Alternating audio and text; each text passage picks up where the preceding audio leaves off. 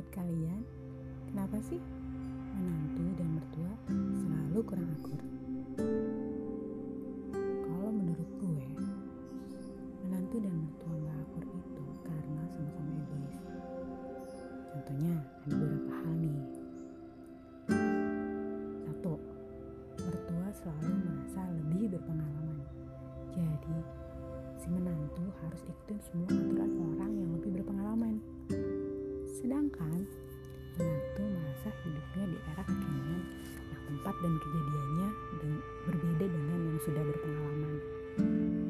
Dua, tinggal di rumah mertua itu harus ikutin aturan yang punya rumah. Siapa yang punya rumah? Mertua lo dong. Jadi, terkadang mertua suka merasa punya andil di keputusan rumah tangga si menantu dan anak.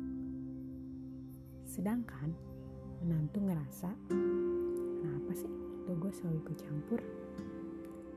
Nah, sebenarnya di sini gue menyimpulkan antara mertua dan menantu itu hubungannya bisa dinamis kalau saja mereka sama-sama mau menurunkan egonya masing-masing dan mau lebih banyak ngobrol.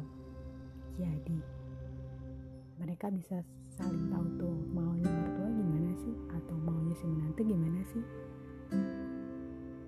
Tapi dibutuhkan juga peran sang suami sebagai pendengar antara mertua dan menantu jika ada masalah antara mertua dan menantu.